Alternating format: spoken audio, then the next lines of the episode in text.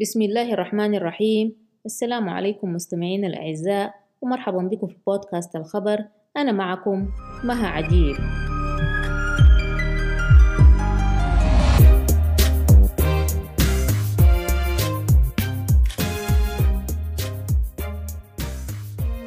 نواصل تغطيتنا لمجريات الأحداث في غزة. حيث نتناول اليوم وهو اليوم الثالث والأربعين للحرب نتناول اليوم المجزرة البشعة التي حدثت في مدرسة الفاخورة بشمال غزة التي راح ضحيتها ما يقارب من 200 شهيد.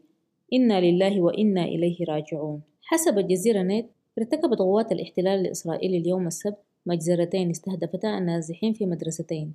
إحداهما مدرسة الفاخورة بمخيم جبالية شمالي القطاع والأخرى مدرسة في تل الزعتر وكلاهما في شمال قطاع غزة. وقالت وزارة الصحة في غزة إن مئات الشهداء والجرحى سقطوا جراء المجزرتين معظمهم من الأطفال والنساء وأظهرت صور خاصة للجزيرة عددا من جثث الشهداء ملقاة على الأرض بعد الغصب الإسرائيلي الذي استهدف مدرسة الفاخورة. لا حول ولا قوة إلا بالله العلي العظيم. وأشارت المصادر إلى أن جثامين الشهداء تغطي ممرات المدرسة وهناك صعوبة في نقل العدد الكبير من الشهداء. وذكرت مصادر طبية أن عشرات الشهداء جراء مجزرة الفاخورة وصلوا إلى المستشفى الإندونيسي. وقال الصحفي عماد زقوت للجزيرة إن نحو 200 شهيد سقطوا في المجزرة الجديدة. إنا لله وإنا إليه راجعون. وقال النازحون إنهم تعرضوا للغصب الإسرائيلي داخل المدرسة ولم تصلهم سيارات الإسعاف وطواقم الإنقاذ نتيجة خروجها عن الخدمة. وتظهر الصور أن غالبية الضحايا هم من الأطفال والنساء حيث تكدسوا داخل أقسام مجمع كمال عدوان الطبي وتحاول الطواقم الطبية تقديم الإسعافات الأولية وما توفر من الرعاية الطبية للمصابين في ضوء إمكانات محدودة. وقال المستشار الإعلامي للأنروا عدنان أبو حسن للجزيرة نبلغ الجانب الإسرائيلي يوميا بأماكن مدارسنا ومراكز النازحين التابعة لنا. هذا يعني أن إسرائيل تعلم أن هذه المدرسة بها موظفين تابعين للأمم المتحدة ولكن إسرائيل أيضا وصفتهم فإسرائيل لا يهمها حقوق إنسان ولا يهمها أطفال ولا يهمها كبار سن ولا يهمها نساء ولا يهمها عزل ولا يهمها أي شيء. إسرائيل تقصف قصف عشوائي الأنروا نفسها المنظمة التابعة للأمم المتحدة وهذه وهؤلاء الموظفين هم هم موظفين دوليين. تابعين للأمم المتحدة. الأنروا نفسها توفي لها منذ بداية الحرب 103 من الموظفين التابعين لها في غزة. مدرسة الفاخورة آه، تقع في مخيم جباليا مخيم جباليا يقع في الشمال الشرقي من مدينة غزة على مسافة كيلومتر عن الطريق الرئيسي لغزة يافا. المخيم به مركز طبي وعيادة للأمومة والطفولة وعيادة أسنان وعيادة عيون تتبع كلها للأنروا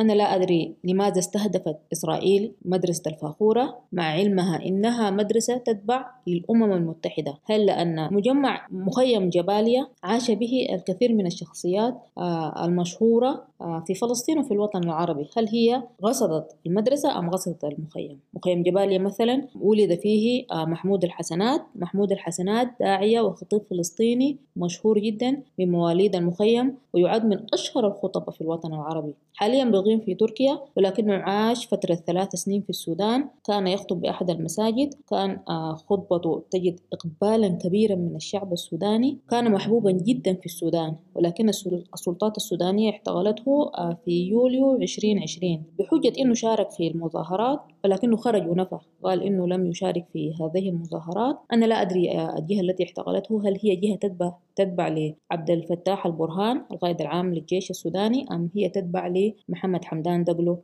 حميتي كلا الطرفين لهم علاقات آه، مع إسرائيل ولكن لا أدري تحديدا الجهة التي آه، احتقلته. ولكنه بعد خروجه من المحتقل هو قضى في المحتقل تقريبا عدة أسابيع. بعد خروجه من المحتقل خرج من السودان والآن يقيم في تركيا. كذلك أيضا من الشخصيات التي خرجت من مخيم جباليا محمود المبحوح الذي اغتيل في دبي عام 2010 ولد في المخيم وهو من قيادي آه، كتائب عز الدين الغسام الجناح العسكري لحماس كذلك آه، أمل الكحلوت وهي عميدة آه، في كلية العلوم بجامعة الأزهر وحاصلة على جائزة الإيسيسكو في العلوم والتكنولوجيا في فرع الفيزياء عام 2016 ولكن السؤال الذي يطرح نفسه لماذا تستهدف إسرائيل المستشفيات والمدارس؟ هنالك إصرار غريب وعجيب من الجانب الإسرائيلي على استهداف المستشفيات والمدارس رغم إنها تعلم علما يقينا بأن هذه المستشفيات تؤوي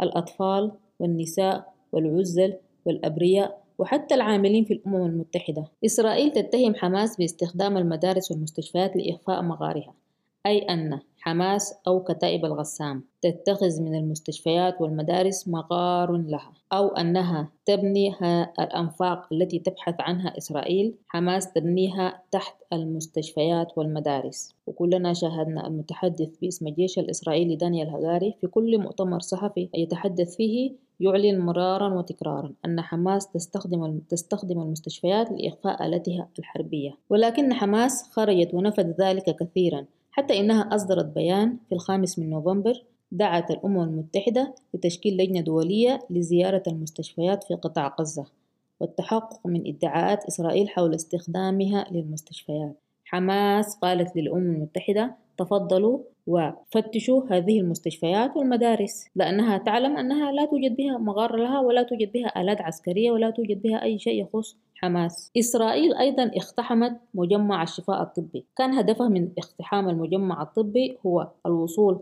لمغر القيادة العسكرية لحماس. ولكن يا جماعة هل يعقل أن مستشفى بها مئات المرضى ولجأ إليها آلاف الفلسطينيين هربا من الغصب؟ هل يمكن أن تكون هي المغر العسكري لحماس والآن بعد أن دخلت إسرائيل مجمع الشفاء الطبي هل وجدت مقر قيادة حماس؟ هل وجدت السنوار؟ هل وجدت أبو عبيدة؟ هل وجدت الأسرى؟ كانت مسرحية ومهزلة شاهدنا الجندي الإسرائيلي يؤشر إلى كاميرا مخلوعة في السقف يقول إن هذه الكاميرا تم خلعها فهي دليل على أن هذه هي القيادة العسكرية لحماس كذلك هنالك في الفيديو صورة جزمة أو بوت وأفرول وعدد من الأسلحة الخفيفة أسلحة خفيفة هل يعقل أن تكون هذه الأسلحة فقط هي أسلحة حماس؟ حماس بكل هيلمانها هذا هل يمكن فقط أن تكون هذه هي فقط أسلحتها التي عرضت في هذا الفيديو؟ أمريكا من جانبها تبرأت من أنها أعطت الضوء الأخضر لإسرائيل باقتحام مستشفى الشفاء أي أمريكا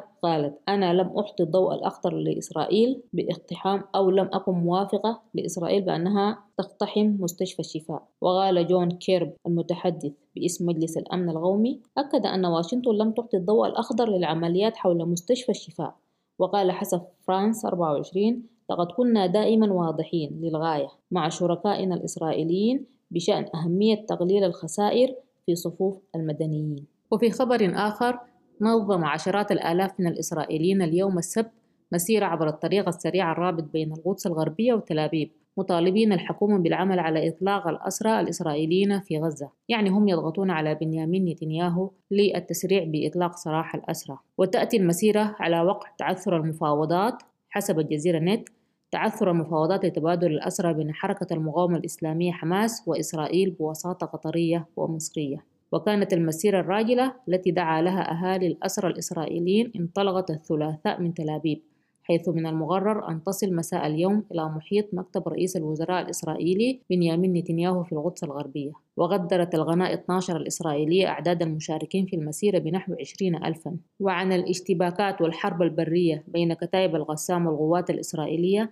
قالت كتائب الغسام أنهم تمكنوا من إيقاع قوة إسرائيلية راجلة في كمين وتفجير عبوة مضادة للأفراد بجنود الاحتلال جنوب غرب غزة. وحسب وكالة الأناضول التركية قالت الغسام تمكن مقاتلون من إيقاع قوة لجنود الاحتلال قتلى وجرحى بعد استهدافهم بعبوة مضادة للأفراد وتدمير 17 آلية إسرائيلية كليا أو جزئيا في كافة محاور التوقل في قطاع غزة. وفي وقت سابق السبت حسب وكالة الأناضول أعلن الجيش الإسرائيلي في بيان توسيع عمليته البرية إلى حي الزيتون شرقي مدينة غزة ومنطقة جباليا شمالي القطاع. مؤكدا استهداف قواته المتوكلة من قبل مقاتلين فلسطينيين في أعقاب اشتباكات ضارية بين الطرفين. ويقول الجيش الإسرائيلي إن لديه معلومات مؤكدة عن وجود 239 أسيرا إسرائيليا في قطاع غزة منذ السابع من أكتوبر الماضي. حماس تعرض على إسرائيل هدنة لعدة أيام وإدخال الوقود والغذاء إلى غزة والإفراج عن أسرى من السجون الإسرائيلية مقابل إطلاق عدد من الأسرى الإسرائيليين يشمل من يحملون جنسيات أجنبية ولكن بنيامين نتنياهو لم يوقف الحرب إطلاق النار إلى الآن. دمتم بخير. والسلام عليكم ورحمة الله تعالى وبركاته.